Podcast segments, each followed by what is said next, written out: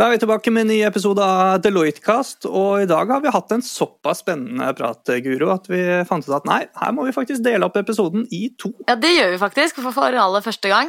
Men mm. uh, det er utrolig mye spennende her om hvordan framtidens, uh, framtidens mobilitet og uh, transport og osv. vil se ut. Så ja. derfor tar vi de to deler, og her kommer da altså første del av Framtidens mobilitet med Claes fra Ruter og Laura fra Deloitte. Vi setter i gang med del én. Det som er en risk med selvkjørende kjøretøy, det er at alle får sitt selvkjørende kjøretøy og kjører rundt, eh, og ikke da kjører i pool, men kjører alene. Og da blir framkommelighetssituasjonen om ti år betydelig verre enn hva den er i dag. Da er vi tilbake vi med en ny Deloitte-cast. Og ja, jeg heter jo Andreas som vanlig, og så har vi Guro med oss. Ja, hallo, Andreas. Ja, og I dag Andreas, så skal vi snakke om eh, noe veldig relevant for tenker jeg, alle som bor eh, et eller annet sted hvor man kan frakte seg fra eller, A til A. Eller er det kanskje ikke så relevant eh, nå lenger, med tanke på at det er ganske nå, redusert reise? Det er sant. Det blir det igjen. Ja. Men vi skal altså snakke om framtidens mobilitet i dag. Det skal vi... Hvordan kommer vi til å flytte oss i framtiden? Ja, altså En ting jeg har tenkt på er at uh, Vi har jo hørt masse om selvkjørende biler og busser, og at nå skal ting endre seg. Det har vi hørt om en, en god stund, men jeg har ikke så sett så veldig mye til det ennå. Uh, og Bernt Reitan, som er leder i, i Rute, var ganske tidlig ute og sa at uh, ja, man, i dag så blir man jo fraktet fra et sted man ikke er, til et sted mm. man ikke skal. Men, men, hva nå? Det er det vi lurer på. Ja, ikke sant? Det er, det er et sånn interessant poeng, bare det der. At man faktisk Eh, man fraktes jo aldri med bussen fra akkurat der du var. Ehm, så det handler jo om personifisering. ikke sant? Brukeren skal inn i fokus. Ikke sant? Og, og, og, sørge for at man blir fraktet kanskje da, helt hjem med andre fremkomstmidler enn bare, enn bare buss, trikk og bane. Da. Så da lurer vi jo mm. på hva slags rolle Ruter spiller her, for, spesielt for Oslo-området selvfølgelig, og om det er noen kule ting som kommer i framtiden. Eh, mm. Og liksom hvordan vi får dette her til i praksis. Da. Altså, da er vi jo heldige å ha med oss eh, to fantastiske folk som kan alt om dette. Først eh, deg, Klas Kanal, du er leder i mobilitetstjenester i Ruter. Ansvar for å finne framtidens løsninger tidligere lederstillinger i SAS innen salg, bl.a. Um, og som flere kommer til å høre at du kanskje har en, eh, noe aksent på norsken din, så er det fra Sverige. Så velkommen til deg, Klas. Og så har vi også med oss Laura, som jobber med mobilitet i Deloitte, og leder for mikromobilitet og sykkel i Ruter. Hei. Og så vet jeg at du også er lidenskapelig opptatt av bærekraft, Laura. Ja. Det passer jo eh, godt tenker jeg, også inn i det bildet her. Mm. Så velkommen til dere begge to. Det ble en litt sånn internasjonal episode her, da, faktisk. Da. Selv om vi prøver å ha liksom, norske gjester, så har vi to eh, En, en, eh, en opprinnelig svenske og en opprinnelig tysker her. Med litt deilige aksenter. Så det, det Svorsk og torsk. Svorsk og torsk. Det er helt nydelig. Men Klas, vi lurte på, du jobber jo som leder for mobilitet, så det vi egentlig lurer på er altså hvordan Eh, hvis du lykkes i jobben din, da, hvordan ser, eh, hvordan ser mine reisevaner ut om ti år? Den er, Nå vet jeg ikke eksakt hvordan du reiser i dag, men den generelle nordmannen eller kvinnen kommer å reise på, en, på en annorlunda, et annerledes sett. Det som kommer her nå, det er at digitaliseringen kommer å påvirke deg kraftig. Eh, det som også kommer å påvirke deg, det er automatiseringen i det her med autonome, altså selvkjørende kjøretøy om ti år, som også kommer å påvirke det er ditt sett å ta deg fram. Det, det, er to områder som er, er, er ganske så viktige. Eh, vi tror også at innenfor urbana strøk så kommer det å være Eh, relativt fritt for privata biler. Det kommer være delade kjøretøy. Eh, det kommer da være I dag ser vi jo eh, vi ser jo f.eks. exempel i utlandet Uber Pool der det er delade mm. kjøretøy, men der er faktisk fortfarande en levende sjåfør. I framtiden mm. så blir det nog poolkjøring, men med autonoma kjøretøy som du med en digital, digital løsning bestiller når du trenger ja. Er det noe Ruter eller skal tilby, tenker du da, eller er det noe som noen private aktører, eller bare jeg som bileier setter min bil ut i bilpoolen, og så Eller er det kanskje en blanding? Ja, det, det, kan, det kan nog vara en blandning. Idag är det ju så att eh, Ruter tillbyr buss och båt och tåg och eh, tricktransport. Eh, och ta bussbranschen till exempel så är det ju privata bussbolag idag som vi lejer in. Så det är ju inte Ruter som idag kör mm. bussarna mm. utan det är Norgesbuss, Nobina, Unibuss eh, och Vy som eh, mm. gör det här för oss. Och så i framtiden kan det vara de här autonoma kjøretøyene er med stor sannsynlighet ikke Ruters eiendom, utan det er næringslivsaktører näringslivsaktörer fra det privata som, som kommer å kjøre det her på kontrakt eh, hos oss. Fordi Tesla har vært ganske åpne om det at eh, de ønsker å gjøre altså Den selvkjørende delen av Tesla, eh, altså teknologien deres, er jo at på sikt så skal hele bilparken deres være en, en selvkjørende flåte av uh, taxier eh, basically, som man kan sette ut sin egen bil. Da, så det du sier egentlig er at Tesla kunne vært en leverandør på samme måte som det Vy og, og uh, Unibuss. Nettbuss og ja, ja. er for dere i dag. Så lenge de underbygger under de bærekraftighetsmålene som vi har, så er det helt ok. Det som er en risk med selvkjørende kjøretøy, det er at alle får sitt selvkjørende kjøretøy och kör runt eh, och icke då kör i pool utan kör alena och då blir framkomlighetssituationen om tio år betydligt värre än vad den är idag. För då kommer alla, alla barn som, eh, som har bemidlade föräldrar kommer få sin egen bil. Och alla de idag som är äldre som icke kör själva kommer selvfølgelig då få sin egen Tesla. Så här får vi eh, utifrån ett samfunnsperspektiv vara otroligt noga med at det ikke blir en-til-en-forhold når det gjelder kjøretøy og og kund mm. Jeg skal ikke gå så lenge inn på det, men jeg må bare si det. Altså, for det er ikke liksom teorien også at Når du har selvkjørende biler, så kan de kjøre så, altså, en halv centimeter fra hverandre i samme tempo, bare dure av gårde, fordi alt er jo i synk og sånn. Så er det litt Jeg vet ikke. Men, det, det, det, kan de gjøre. Det, det, kan de gjøre, men eh, even om man har sånn som du sier, platooning her, at man mm kör bak varandra så är platsen är begränsad lika. Mm. Och, eh, vi, skal vi ska inte ha mer asfalt, i hvert fall ikke i urbana strøk. Nei. Andreas, det her kunne vi snakket om eh, i hele episoden sikkert, men la oss ta et steg tilbake for å se det store bildet igjen. Eh, Laura, kan ikke du se, er det noe du eh, vil tilføye på det Klas eh, sa nå, på hva er det store bildet om hvordan vil vi reise om ti år? Ja, gjerne det. Men det er, eh, som Klas sier, så er det veldig mange. Ruter er ikke alene om å stille seg dette store spørsmålet. Det er mange som prøver å finne et svar på det. Både på privat og den offentlige siden, selvfølgelig. Men eh, det som, det som vi opplever kanskje nå i det siste året, er jo at vi har blitt møtt av en bølge med nye mobilitetsformer. Og denne bølgen innebærer helt nye, eh, nye, elementer som ikke vi har tatt hensyn til før når vi har snakket om framtiden. I hvert fall ikke i like stor grad som vi kanskje gjør det nå.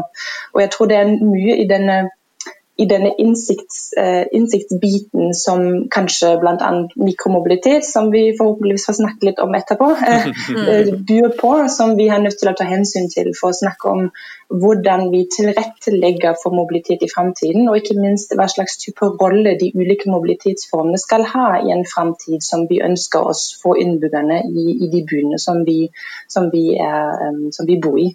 Uh, og det er, jo, det er jo iblant en litt sånn ureflektert diskusjon om om måten man bruker bil på eller sykkel på. Det er liksom satt at Bruker du bil, så er det en privatbil, og så kjører du den bilen. Det er sånn vi mm. kjører.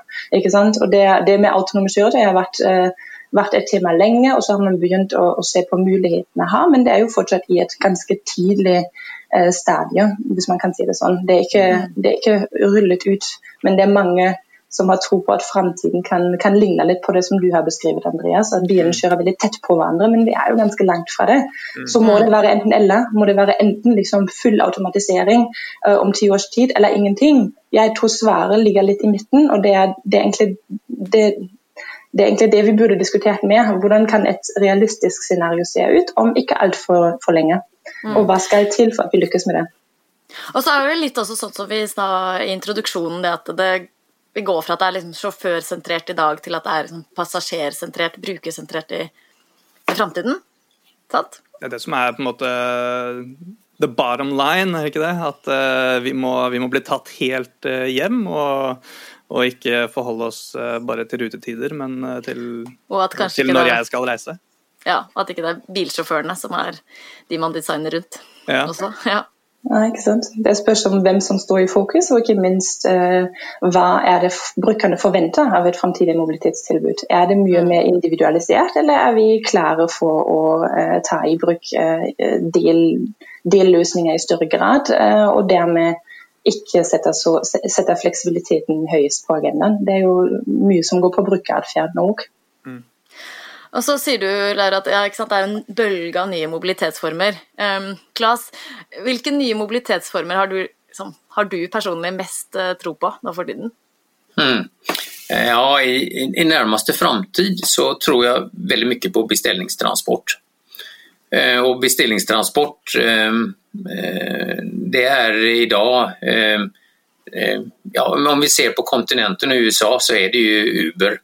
Eh, det er noe som heter Via Van via Van är mer bärkraftig för att de kör ofta mer folk i varje bil. Eh, det gjør at man kommer til det som eh, nevntes her i begynnelsen, att mm, Ruter driver ju i dag med halvfabrikat. Vi tar ju ikke folk fra der de er til dit de skal, utan vi tar dem fra hållplats til hållplats. Och kravet for å kunne leve uten en privat bil, det er at man faktiskt får servicen, at man kommer tillnärmat fram dit man skal, från där man är. Eh, och då är beställningstransport en, en, eh, sak och det här är någonting som har växt eh, kraftigt sista två åren. Och det är någonting också vi håller på att experimentera med.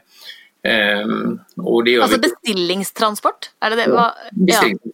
Och det är egentligen då, eh, det är, ja, ett exempel vi har idag det är att vi i flera bydelar i Oslo så har vi något som heter Rosa bussar eh, och där hämtar vi äldre folk och när det är folk från 67 och oppover. Eh, de kan då för en vanlig kollektiv, eh, ett kollektivprisbiljett, alltså 17 kronor, få ringa in eller gå via appen och beställa på en Uber-liknande måtte transport från sitt hem till en annan, annan plats i bydelen. Ett annat gott exempel på beställningstransport är att vi kör nu i Oppegård så kör vi en test där, där man från klockan 16 till 21 bara kan gå in på en app och så beställa körning innanför eh, Oppegårdområdet från A till B, framförallt för de som då håller på med idrottsaktiviteter, vilket betyder att folk i det området tränger kanske inte bil nummer två längre för att barnen blir hämtade av oss. Det høres veldig dyrt ut, eller? Ja, det er. Eh, altså, om man ser rent kostnad isolerat på tjänsten, eh, ja. Ser du eh, mitt egentlig egentligen favoritexempel där, det är att ser man det här på ett makroperspektiv, samfundsperspektiv, hämtar vi äldre folk som bor ensamma hemma och de kommer ut i samfundet och de kan leva längre eh, hemma än vad de gör idag. dag vilket vi nu håller på och gör stora undersökelser på just den här samfundseffekten. Eh, en sykehjemsplass i dag koster 850 000 i året. Kan man komme ut i samfunnet og leve eh, et godt liv og forlenge hjemmeboendet, ja, da kanskje faktisk ikke det her er dyrt, og kanskje det her er til og med en mm. besparelse. Ja, så Det er en fordel med at man, at man ikke er en eh, ren privataktør, at man kan se det mm. store bildet, ikke bare liksom, gevinst per Ja, det har vi också ett, ett, ett, annat exempel här som også också är spännande. På Stabäck, där, eh, alltså på Nadderud, där är det idag ett fotbollakademi för barn från 6 till 10 år. Eh, de hämtar vi och kör hem med 11 bussar från skola till träning, från träning och hem. Under normala omständigheter tidigare så var det över 100 bilar klockan fyra för att hämta de här barnen mm. på privat basis. Så der har mm. man også da, ikke minst bare klimatmessig, men også eh, framkommelighetsmessig eh, gjort st store besparelser, tror jeg. Det er egentlig sånn, det er et fint eksempel på at man snakker om at man i større grad skal være liksom proaktive på folks uh, behov. Da, og si ja, ok, er, der jobber du, du pleier å våkne da, du pleier å være ferdig på jobb da. Da skal det stå mm. transportmiddel klar. og Det er egentlig et kult eksempel på at vi vet at det er trening da med masse barn. Så mm. da server vi med, med busser. Mm. Men jeg tenker på det med mikromobilitet, er nesten komme inn på det. Eh, og disse sparkesyklene som har fått masse pressedekning, både positiv og negativ. Eh, men uansett så har de jo hatt en enorm stor, høy adopsjonsrate. De har jo eksplodert fra nesten dag én. Eh, hvorfor det, Laura? Tja, ja, de har det. Det kan man, eh, det kan man trygt si. Eh, og det, det, er jo ikke noe som er unikt i Norge. Det har jo skjedd i hele verden og i mm. Europa helt spesielt i løpet av det siste året. Da. Eh, vi vet at elsparkesyklene som har ankommet Norge, har vært der i knapt et år, eller litt over et år nå. Og vi har snakket, altså Klaus og jeg snakker jo mye med, med ulike aktører i løpet av, av hverdagen og arbeidshverdagen vår. Og de tallene som vi har hørt om, er imponerende. Også Voi alene rapporterte at de, de har over 35 av eh, beboerne i Oslo registrert eh, som brukerne i appen deres, som eh, er en nokså imponerende suksess i løpet av et års tid, tenker jeg. Og det er bare én av flere operatørene, så, så, tallene har jeg ikke til å undervurdere.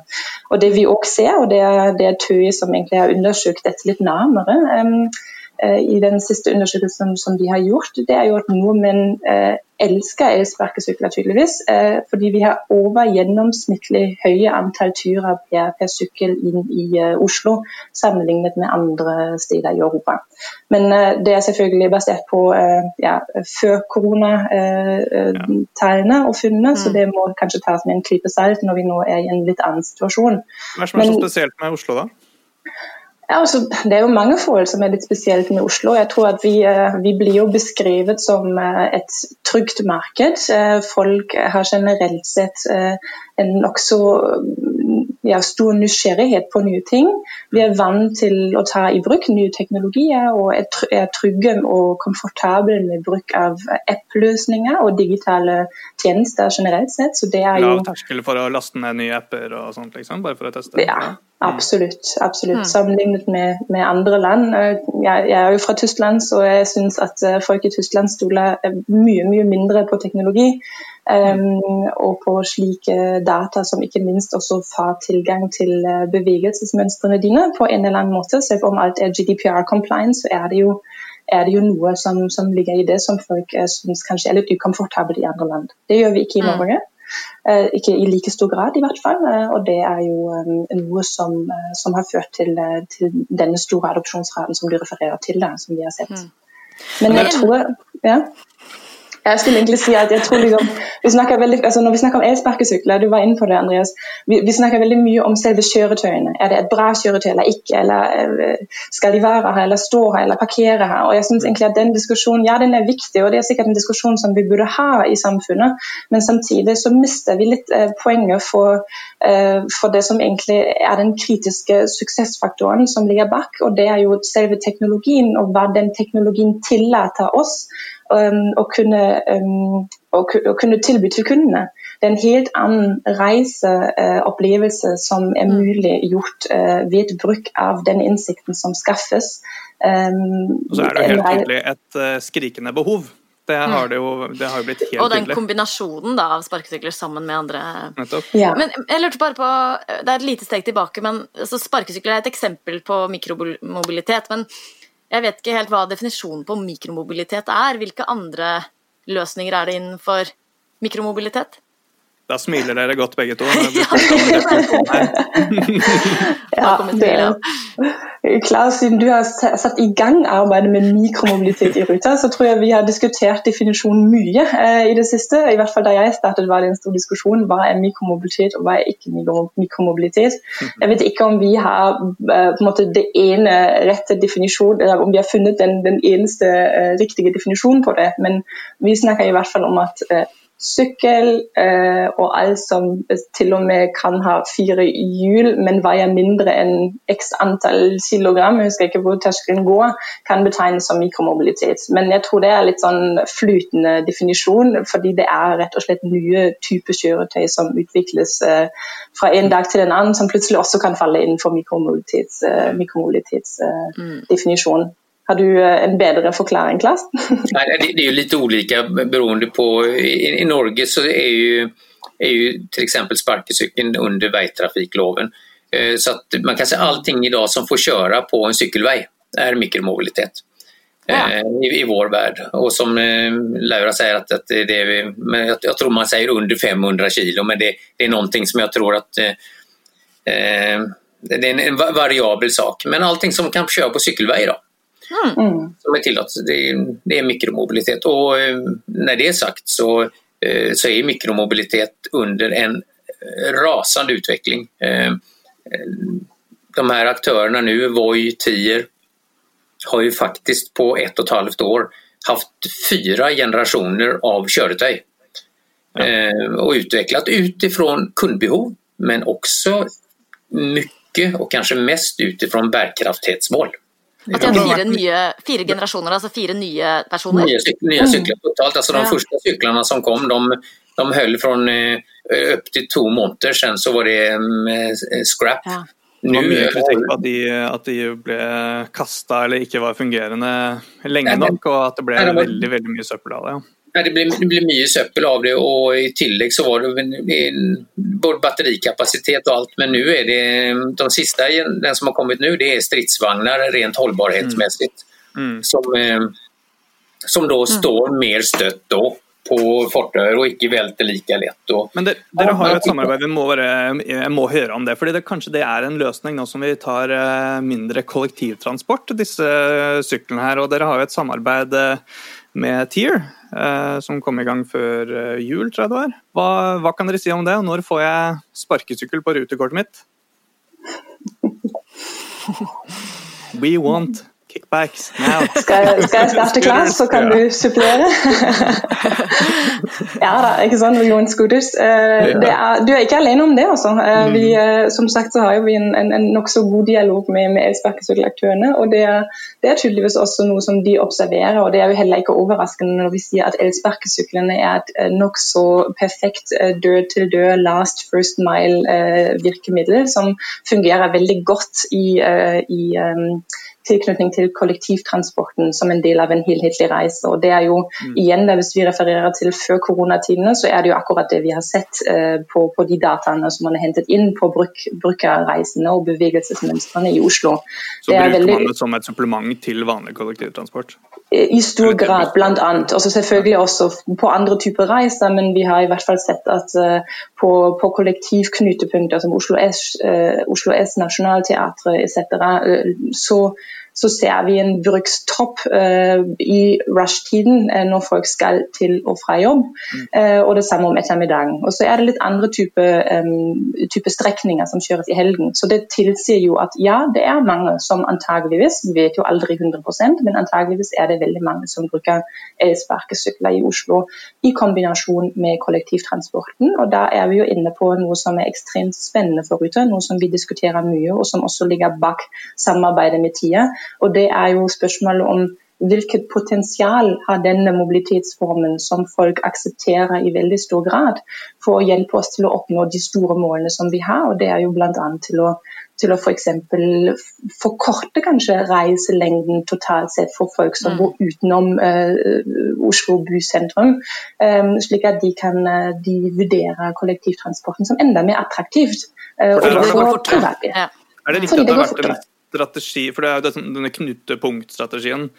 Så sånn Grovt sett, sånn jeg har forstått det, så har man eh, med tradisjonell kollektivtransport prøvd å på en måte, Så tar man folk inn i sentrum for så å kjøre dem ut igjen, fordi det er den mest effektive måten å på en måte planlegge rutene på. Men nå snakker du om å egentlig knytte alle de, de, de områdene på utkanten sammen. Ja. Og da er det mikromobilitet som kanskje er den beste måten å gjøre det på?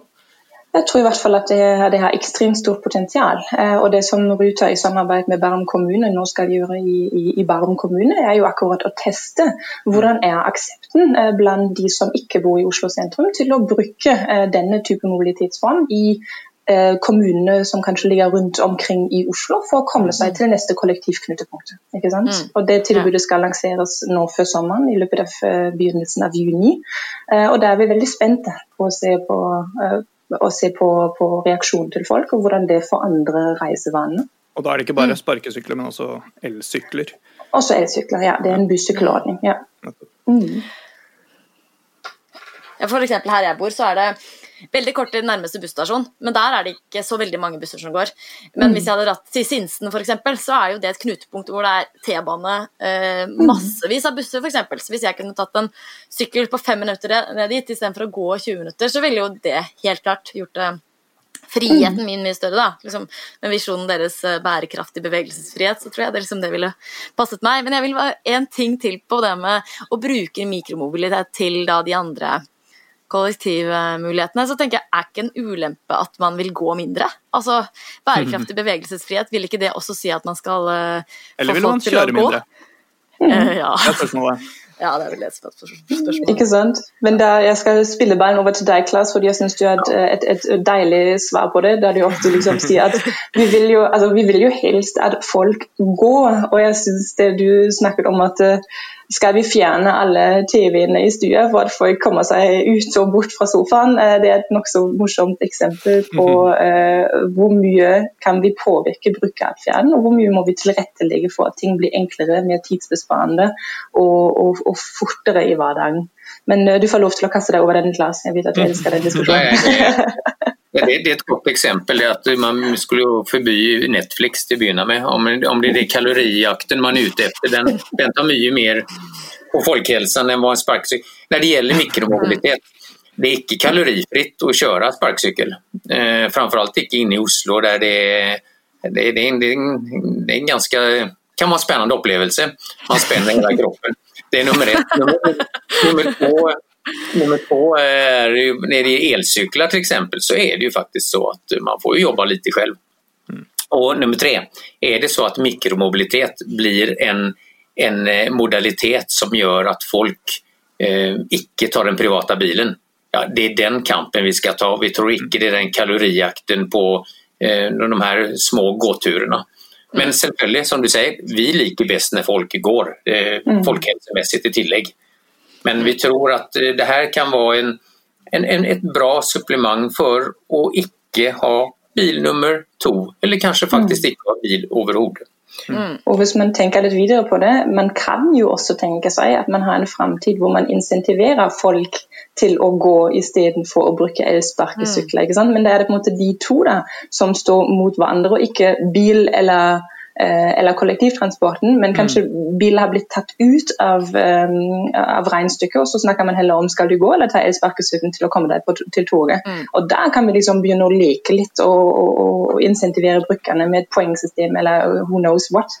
Men det finnes muligheter her òg, men vi må liksom først komme til til, til, det stadiet. Og så kan vi ta den diskusjonen. Ja. Mm. Hvor det er første valget uansett. ikke sant? Og så er mm. Kollektivtransporten er første valget, og så er spørsmålet hvordan kommer du dit, som vi trenger å diskutere. Og der slutter del én av denne praten med Claes og Laura. Men uh, fortvil ikke, det kommer en ny del hvert øyeblikk. ja, det gjør det. Det kommer masse mye flere spennende, spennende spørsmål og svar, så, uh, så, sjekk ut neste episode. da. Det er ja. uh, i podkastappen din. Ikke sant? Så hvis du abonnerer i eh, podkast-appen din eller i Spotify, så kommer den eh, hvert øyeblikk. Eh, hvis ikke, så anbefaler vi at du gjør det, da. Ja, sant. ja. Så vi høres i neste episode. Det gjør vi.